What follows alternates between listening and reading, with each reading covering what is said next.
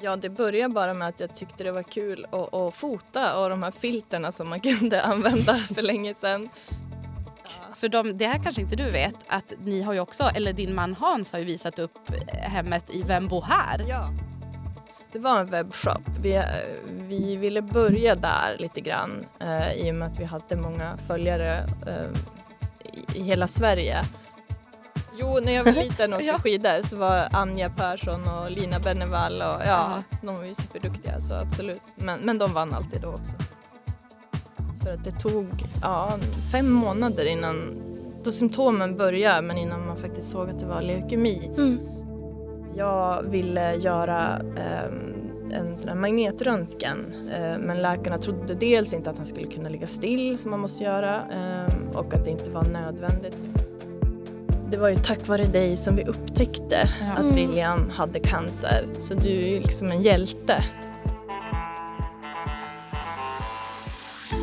Idag så gästas vi av en person som vi personligen beundrar så himla mycket. Hon är stark, hon har en otrolig inredningsstil som hon visar upp på sitt stora Instagramkonto och hon är väldigt sportig. Idag blir det alltså snack om snowboard, familj och även om en, när en förälders värsta mardröm inträffar. Varmt välkommen Marie Åhlund! Hur kändes det att höra en presentation av dig själv sådär? Det lät ju superbra. Alltid fint med en liten boost, ja, tänker jag. Kicka igång morgonen. Hur mår du idag till att börja med? Ja, jag mår bra idag eh, men har fått kämpa lite med min hälsa efter det jag har fått vara med om med min son. Så det är lite upp och ner, lite blandat. Mm. Förståeligt. Mm. Vi kommer ju gå in på det här med din son William. Eh, men jag tänker att vi ska börja lite mer och presentera dig för de som inte lyssnar. Mm. Vi sa ju här inledningsvis att du har ett inredningskonto Ja. eh, som jag tänker att många Umeåbor och, och folk utanför Umeå också känner till. Ja. Berätta hur, hur det kom sig. Willy and Millie. ja, exakt.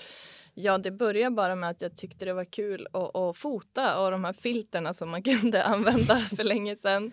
Vilket år var det här? Oj, alltså det var när min son William, då, måste, han är ju född 2011 så det måste vara strax efter, så det var ändå ganska tidigt när Instagram kom.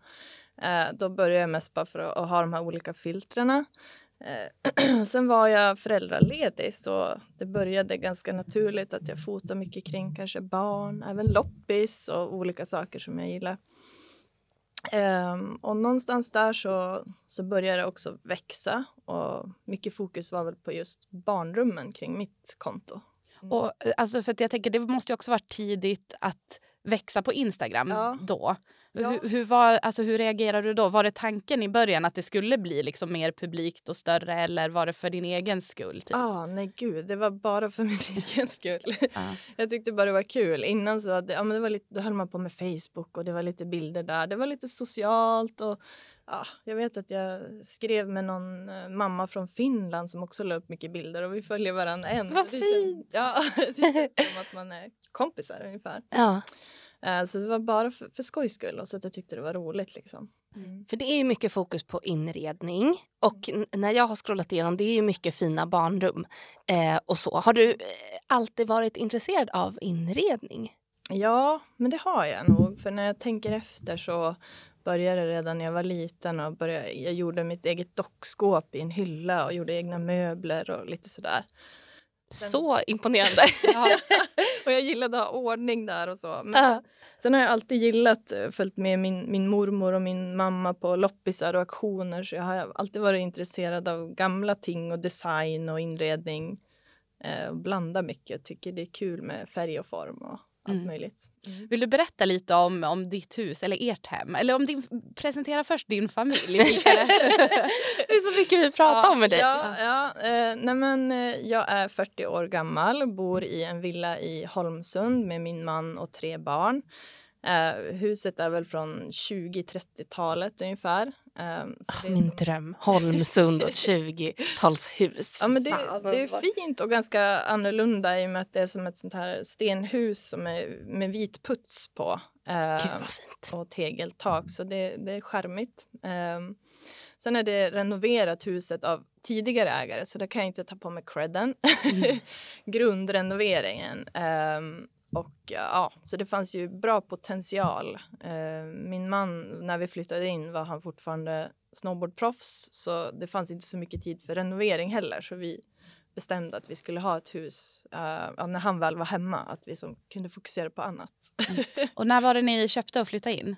Uh, ja men nu ska vi se, William är född 2011, han var sex månader gammal då vi flyttade in i det huset. Mm. Ja.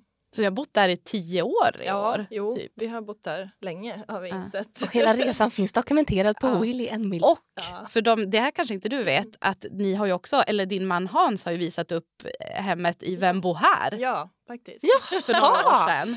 Ja, han, Gud vad han kul. fick ta credden på tv. Ja, jag, tänkte, jag, tänkte, faktiskt på det där när jag fick veta att, du, eller att ert hem skulle visas. Att du som ändå är liksom offentlig ja. inrednings... Det var bra att det var Hans. Ja. Jag. Jo, de, det var lite svårare att klura ut tror jag för, för tittarna. Så det var väl tanken. Uh, men det, det, är lite kul. Men ja, han lyckades ändå ganska bra tycker jag, att hålla masken. Ja, gud det där är alltid, kul. tänk vad svårt. Ja. Skulle du, jag, jag är ju på en liten resa här med att jag är ganska nyinflyttad.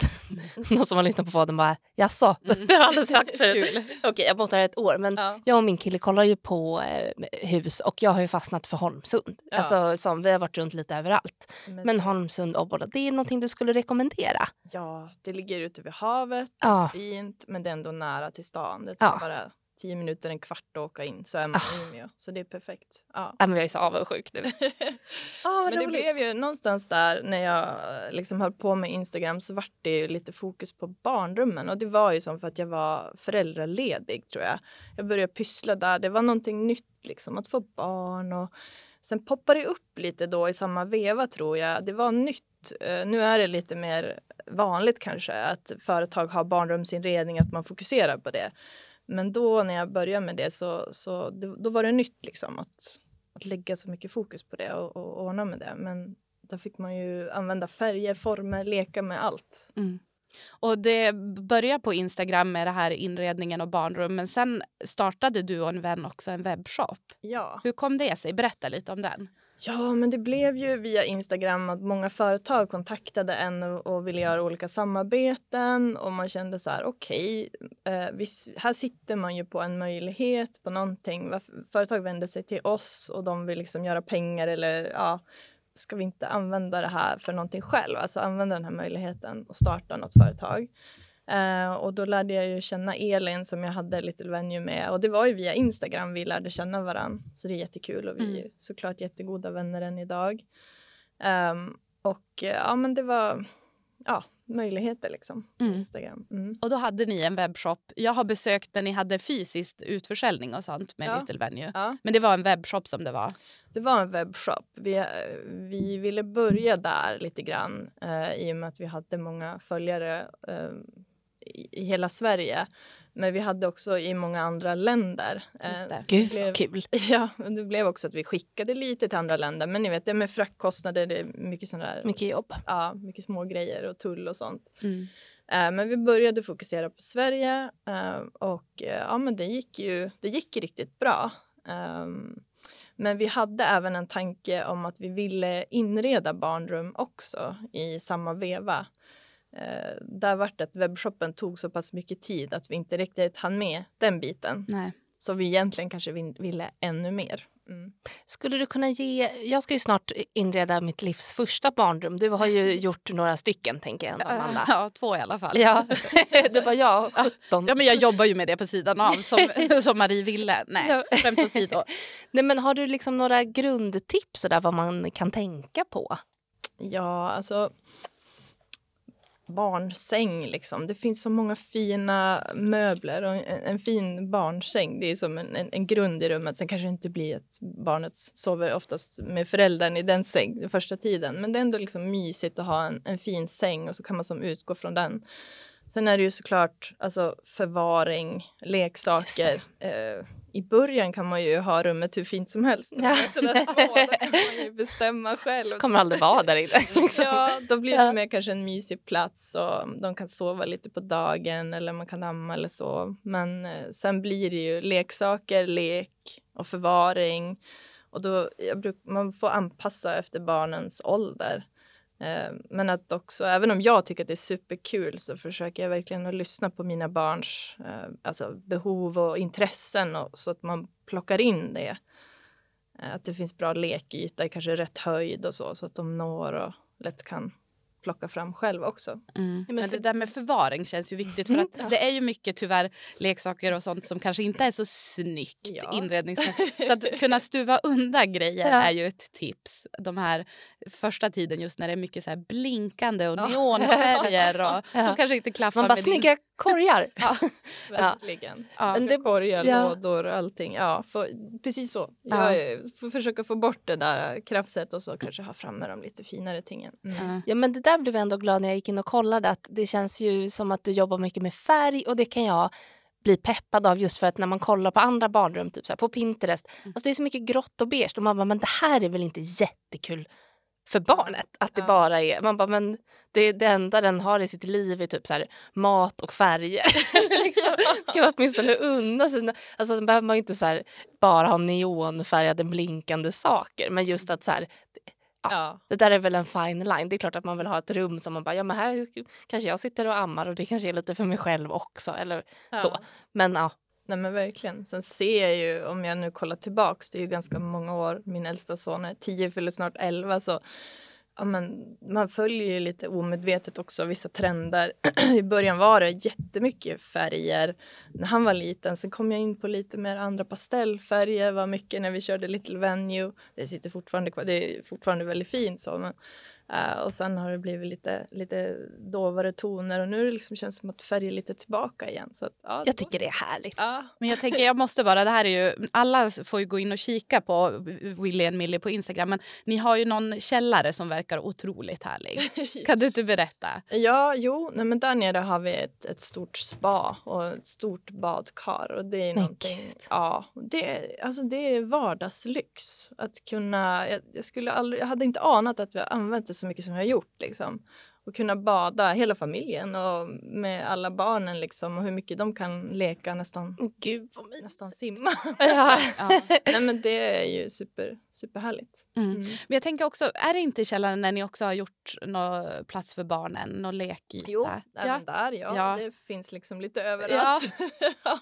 Ett lekrum där nere. Det är det. Ja. Mm. Fan vilken eh. lyx för att barn har liksom ett dedikerat lekrum. Ja, där har vi en liten scen där de kan showa och leka och ja, det är utklädningskläder och lite mer förrörelse och så. Mm.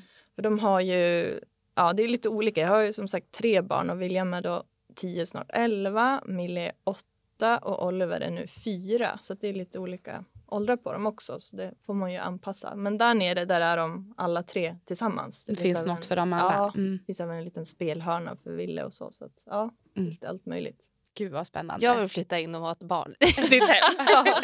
det låter så härligt. Eh, men det här med snowboard då. Eh, mm. vi pratar ju om familjelivet i stort kan vi konstatera. Du och din man träffades på snowboardgymnasiet i Vännäs. Ja. Har jag fått veta. Ja. Det är länge sedan också. Det är länge sedan, ja. Alltså jag var ju 15, skulle fylla 16 när vi började gymnasiet och då gick vi alltså i, i samma klass eh, i tre år innan vi då blev tillsammans.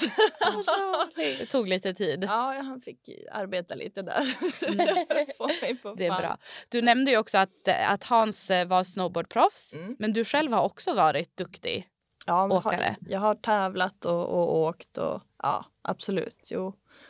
Eh, så det är någonting som har följt med hela familjen. Nu åker vi ju med, med barnen och det är superkul. Vi är eh, sponsrade hela familjen av, av Burton så att mm, vi är en liten familj. Ja, men alltså att ni ändå har en sån gemensam aktivitet, det låter ju helt otroligt. Ja. ja Faktiskt det... att kunna dela någonting sånt. Ja, verkligen det är vad vi helst vill göra på helgerna. Åka till backen och åka snowboard och vara ute i naturen. Och nu när det har varit pandemi och allt, då har ju det varit väldigt, det har man kunnat göra ändå. Vara ute liksom och, och få åka och röra på sig. Och, Mm. Och barnen har ju lärt sig att åka tidigt. Ja, väldigt. Jag är ju i, i livet av att försöka lära mina barn. Eh, så jag, jag har ju pratat om det här lite i podden att jag tycker det är svårt att lära barnen. Mm. Men för er förstår jag att det var också en, kanske en självklarhet att ni ville kunna ha med er ja. Barnen. Har det funnits något motstånd? Nej, alltså jag, eller jo lite. Jag är ju egentligen skidåkare i grunden. jag tävlade i slalom. Eh, så jag tänkte ju som rent naturligt, ska man kanske börja med skidor för att det är lite lättare och sen åka snowboard. Men där var ju min man då, nej de ska åka snowboard direkt.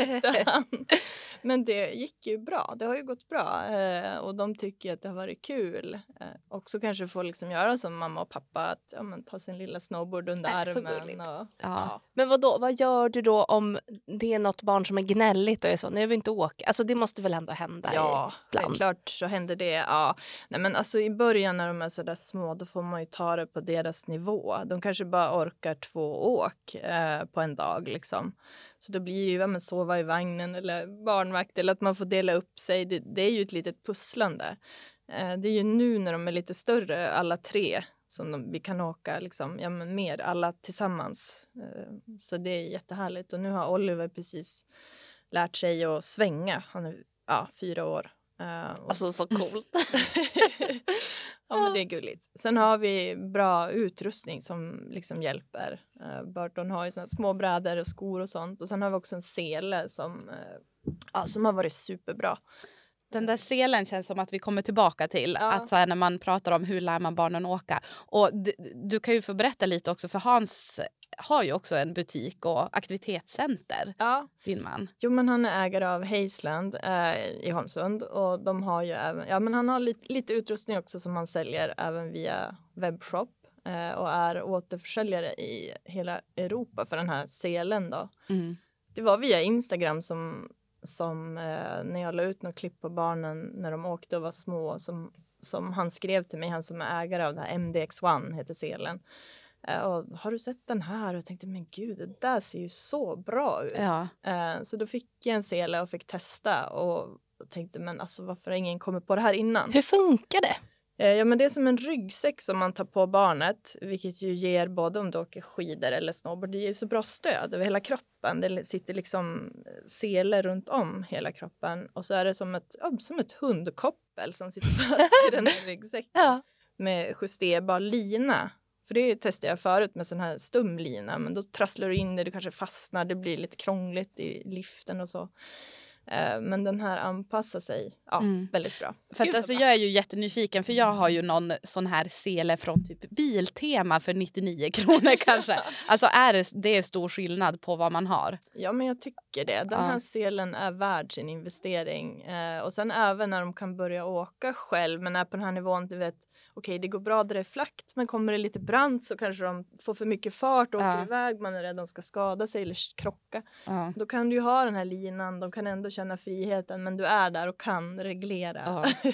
Det är som att ha bilskolläraren bredvid som kan trycka på bromsen ja. lite. Tycker det låter som en dröm. Ja, ja, precis. Jag får väl kika lite mer på den där selen, för jag har hört så många prata om den. Att, ja, Ja, Perfekt. Ja. Alltså, vi har ju packat ner blöjor där i när de var ja. jättesmå. Då kunde man ha en liten frukttub eller ett gosedjur. Eller, ja, men det, det är liksom praktiskt. Man har med sig allting.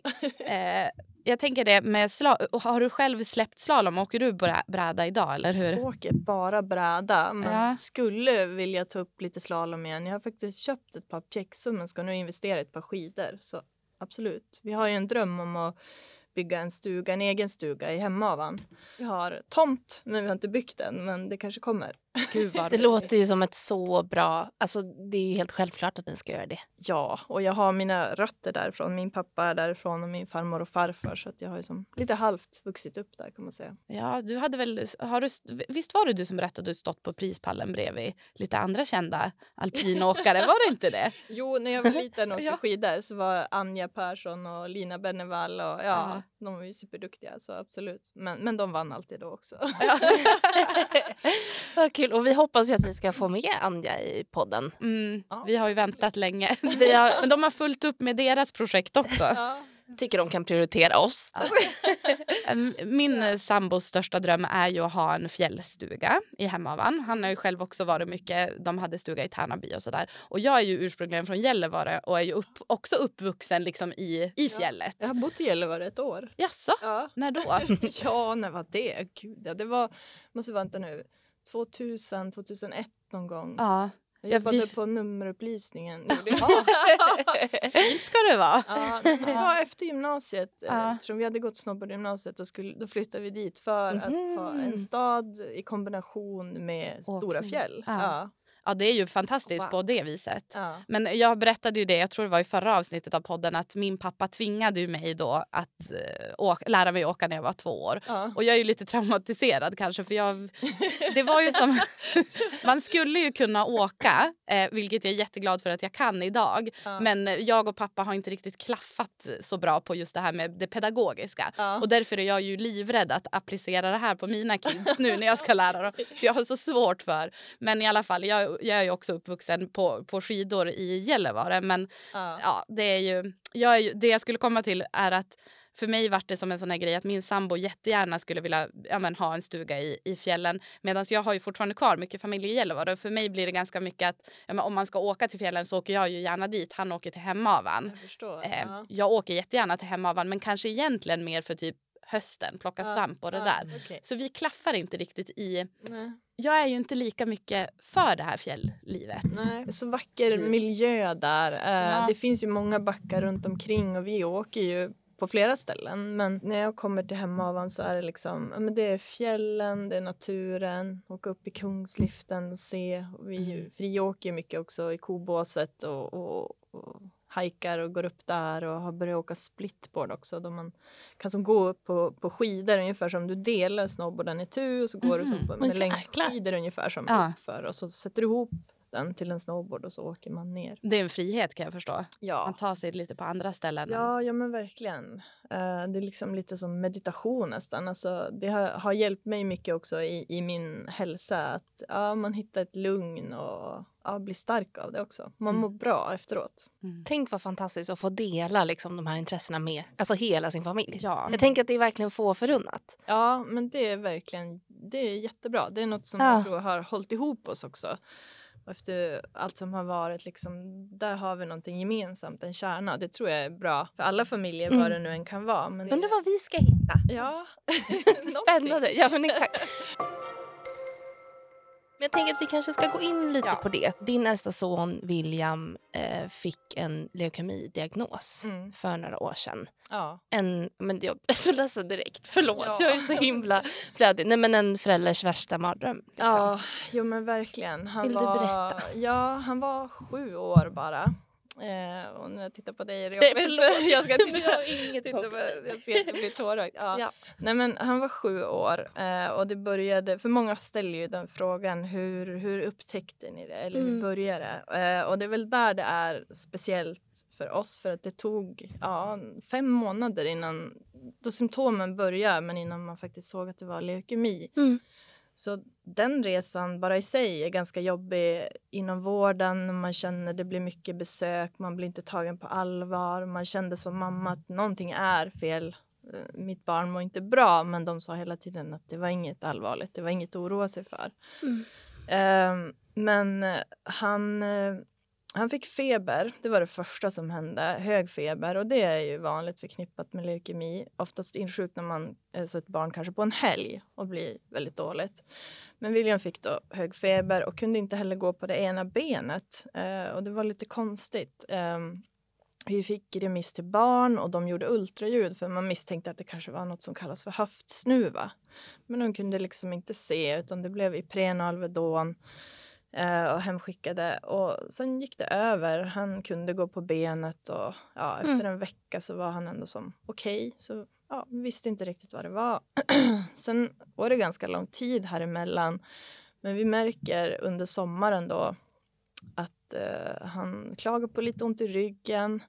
Eh, men han hade hoppat studsmatta, ramlat på den, gjort någon mm. konstig grej så vi tänkte att det kanske var det.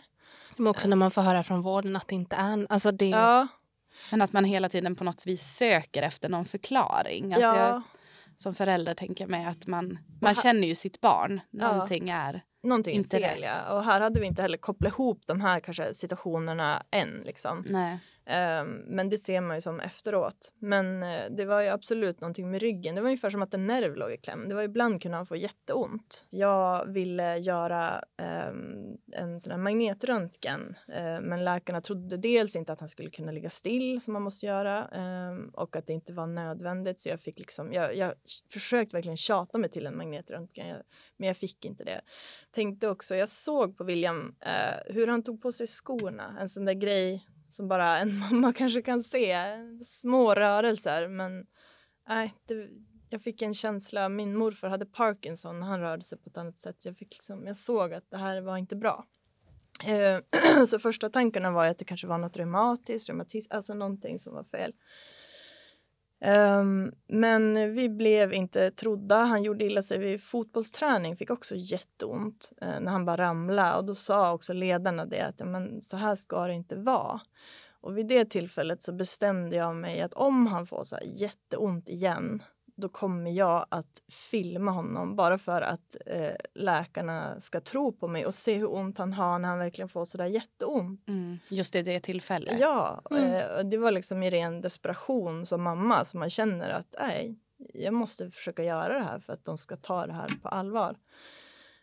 Um, så var vi i eh, Älvsbyn. Nu har liksom första snön kommit, så från sommaren till att första snön kommer, slutet på oktober någon gång, eh, så var vi och åkte, eller vi åkte bob bara, bara på, på vägen, liksom dra barnen. Eh, och då satt Oliver och William på bobben och Millie skulle dra bobben och så drog hon till lite så William bara tippade bakåt sådär, ni vet första mm. draget och fick då sådär superont och började gråta och skrika. Och såklart så tröstade vi honom först. Um, men sen när vi hade lugnat ner honom lite så kom jag på visst, ja, alltså vi, vi måste till akuten, vi måste till Umeå fast vi var i Älvsbyn uh, och att jag även då filmade när han grät för att visa att så här ont får han liksom. Mm. För det var som att många läkare trodde att han hittade på eller ja. Mm. Gud vad hemskt. Ja, det var faktiskt hemskt. Um, men det här är också ett tillfälle som har kommit upp senare som Millie, som lilla syster sa. Uh, hon var alltså bara fyra år här och det här är uff, så känsligt. Jag börjar gråta när jag pratar om det. Men hon fick för sig att uh, det var hennes fel att mm. William fick cancer. Att när hon drog den här bobben och han fick ont i ryggen, det var ju då som snurren började. Jävlar. Så hon sa en gång, mamma är det mitt fel att William har fått cancer? Eh, och det skar ju i hjärtat.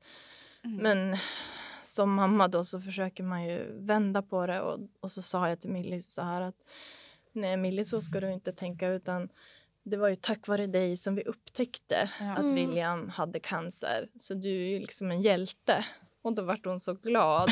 Och, och, så nu istället, och även nu efteråt så kan hon säga det att, att hon har gjort någonting bra. Mm. Men det visar lite på hur barn och syskon också påverkas och kan tänka i ett sånt här skede. Mm.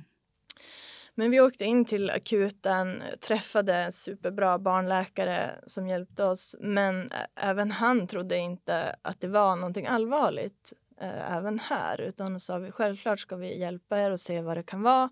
Men jag tror inte du behöver oroa dig. Men vi fick göra den här magnetröntgen som inte visade någonting. Eh, men han skickade även en remiss till barn då igen för att försöka se. Vid det här läget så hade Williams värden börjat visa att någonting kanske var tokigt. För det var det som var problemet varför de inte trodde att det var något innan. Det var att just blodproverna inte visade på något avvikande. Eh, men här visade de det. Och eh, vi skulle då få göra eh, benmärgsprov för att och då var det, till en del föräldrar säger de ju faktiskt redan här att de misstänker leukemi, men så var det inte, utan för oss var det att vi vill göra det här för att kunna utesluta det, för att mm. sen gå vidare med vad det faktiskt kan vara.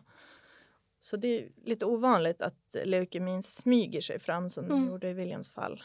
Och det, ni tänkte aldrig den tanken? Jo, det var det första jag sa. När, jag hade, när vi hade gjort de här proverna på, på barn och så ringer läkaren mig samma dag då förstår jag att nu är det någonting. Det här är alltså när läkaren ringer på kvällstid liksom. Mm.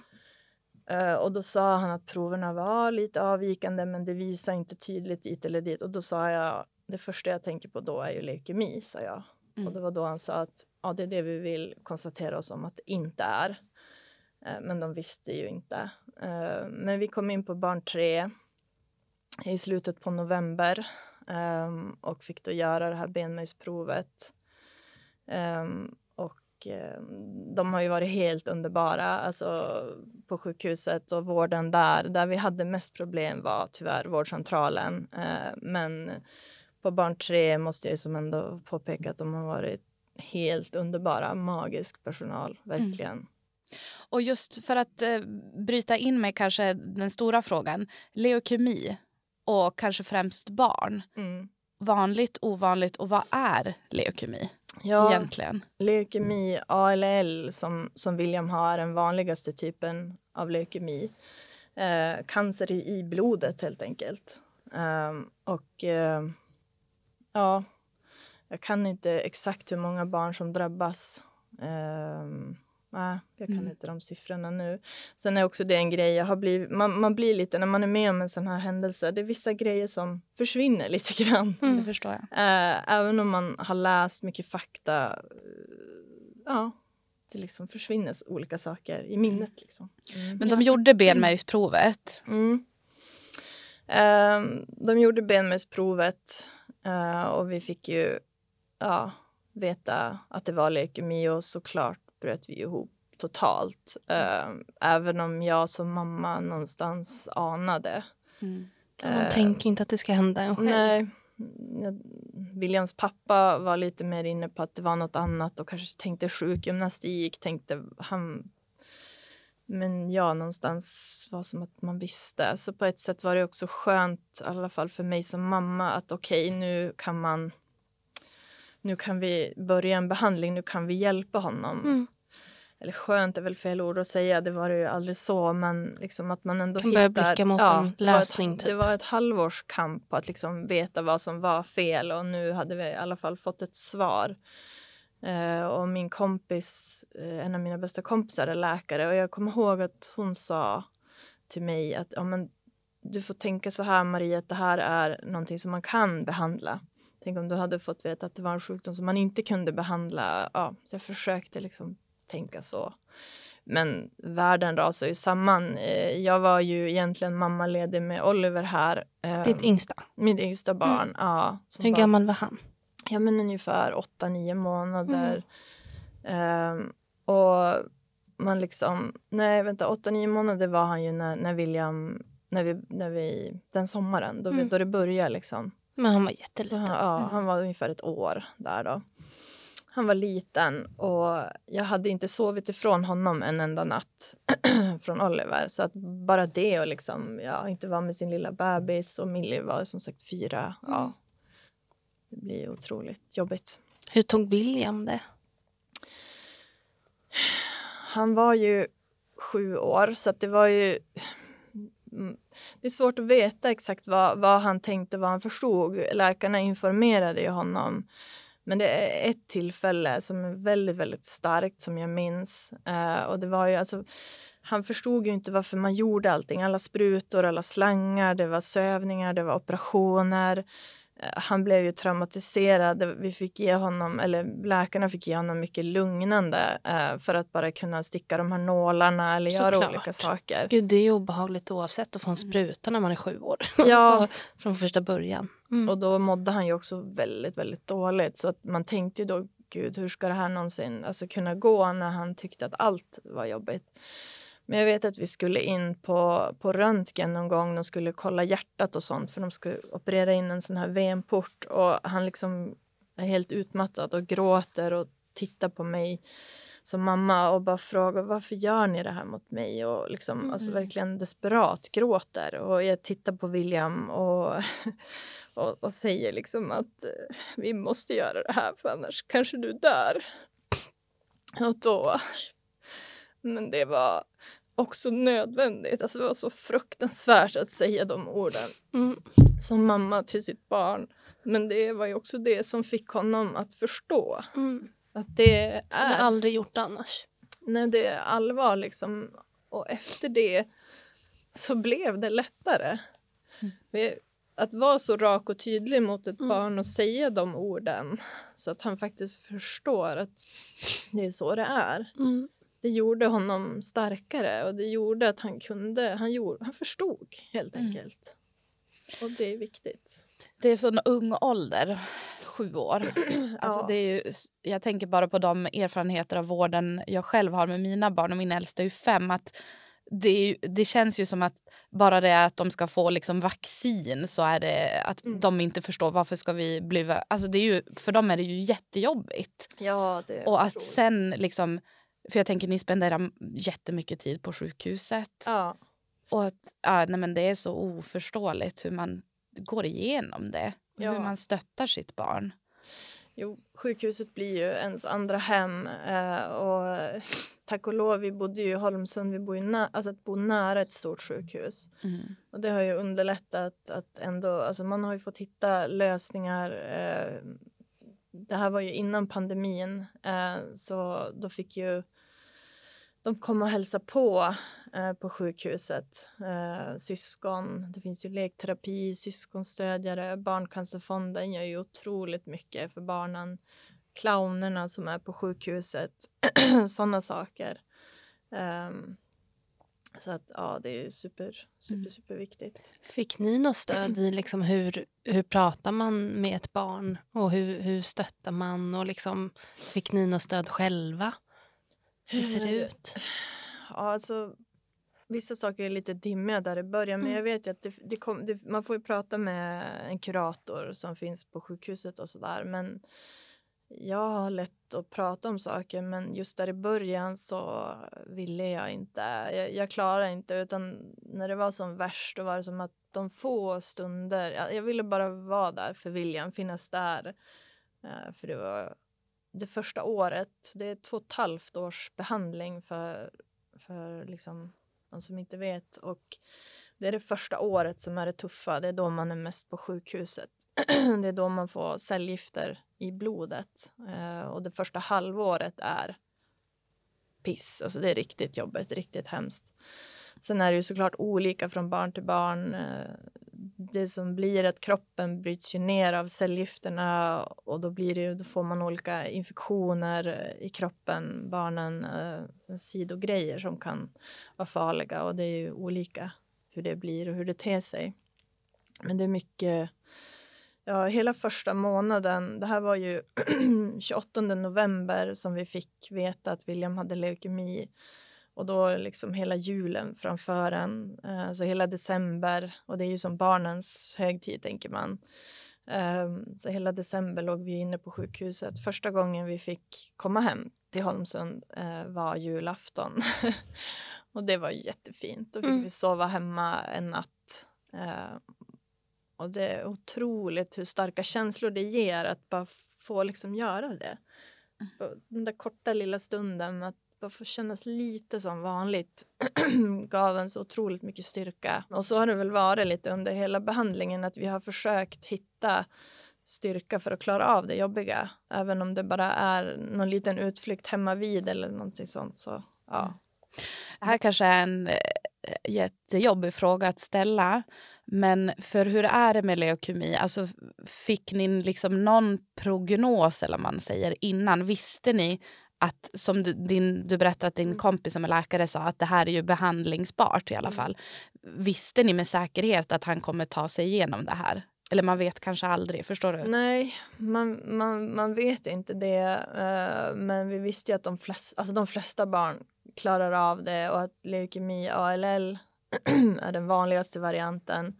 Eh, det är längre behandling, leukemi ALM ett år versus två och ett halvt år. Men då behöver de inte gå på med cellgifterna lika hårt, vilket då inte ger lika många bieffekter och infektioner kanske. Så mm. jag vet att jag försökte tänka så. Det kändes ju som en evighet liksom. Nu efteråt, nu vet jag att det är 10% som får uh, återfall. Uh, så det är någonting jag kämpar med mycket idag.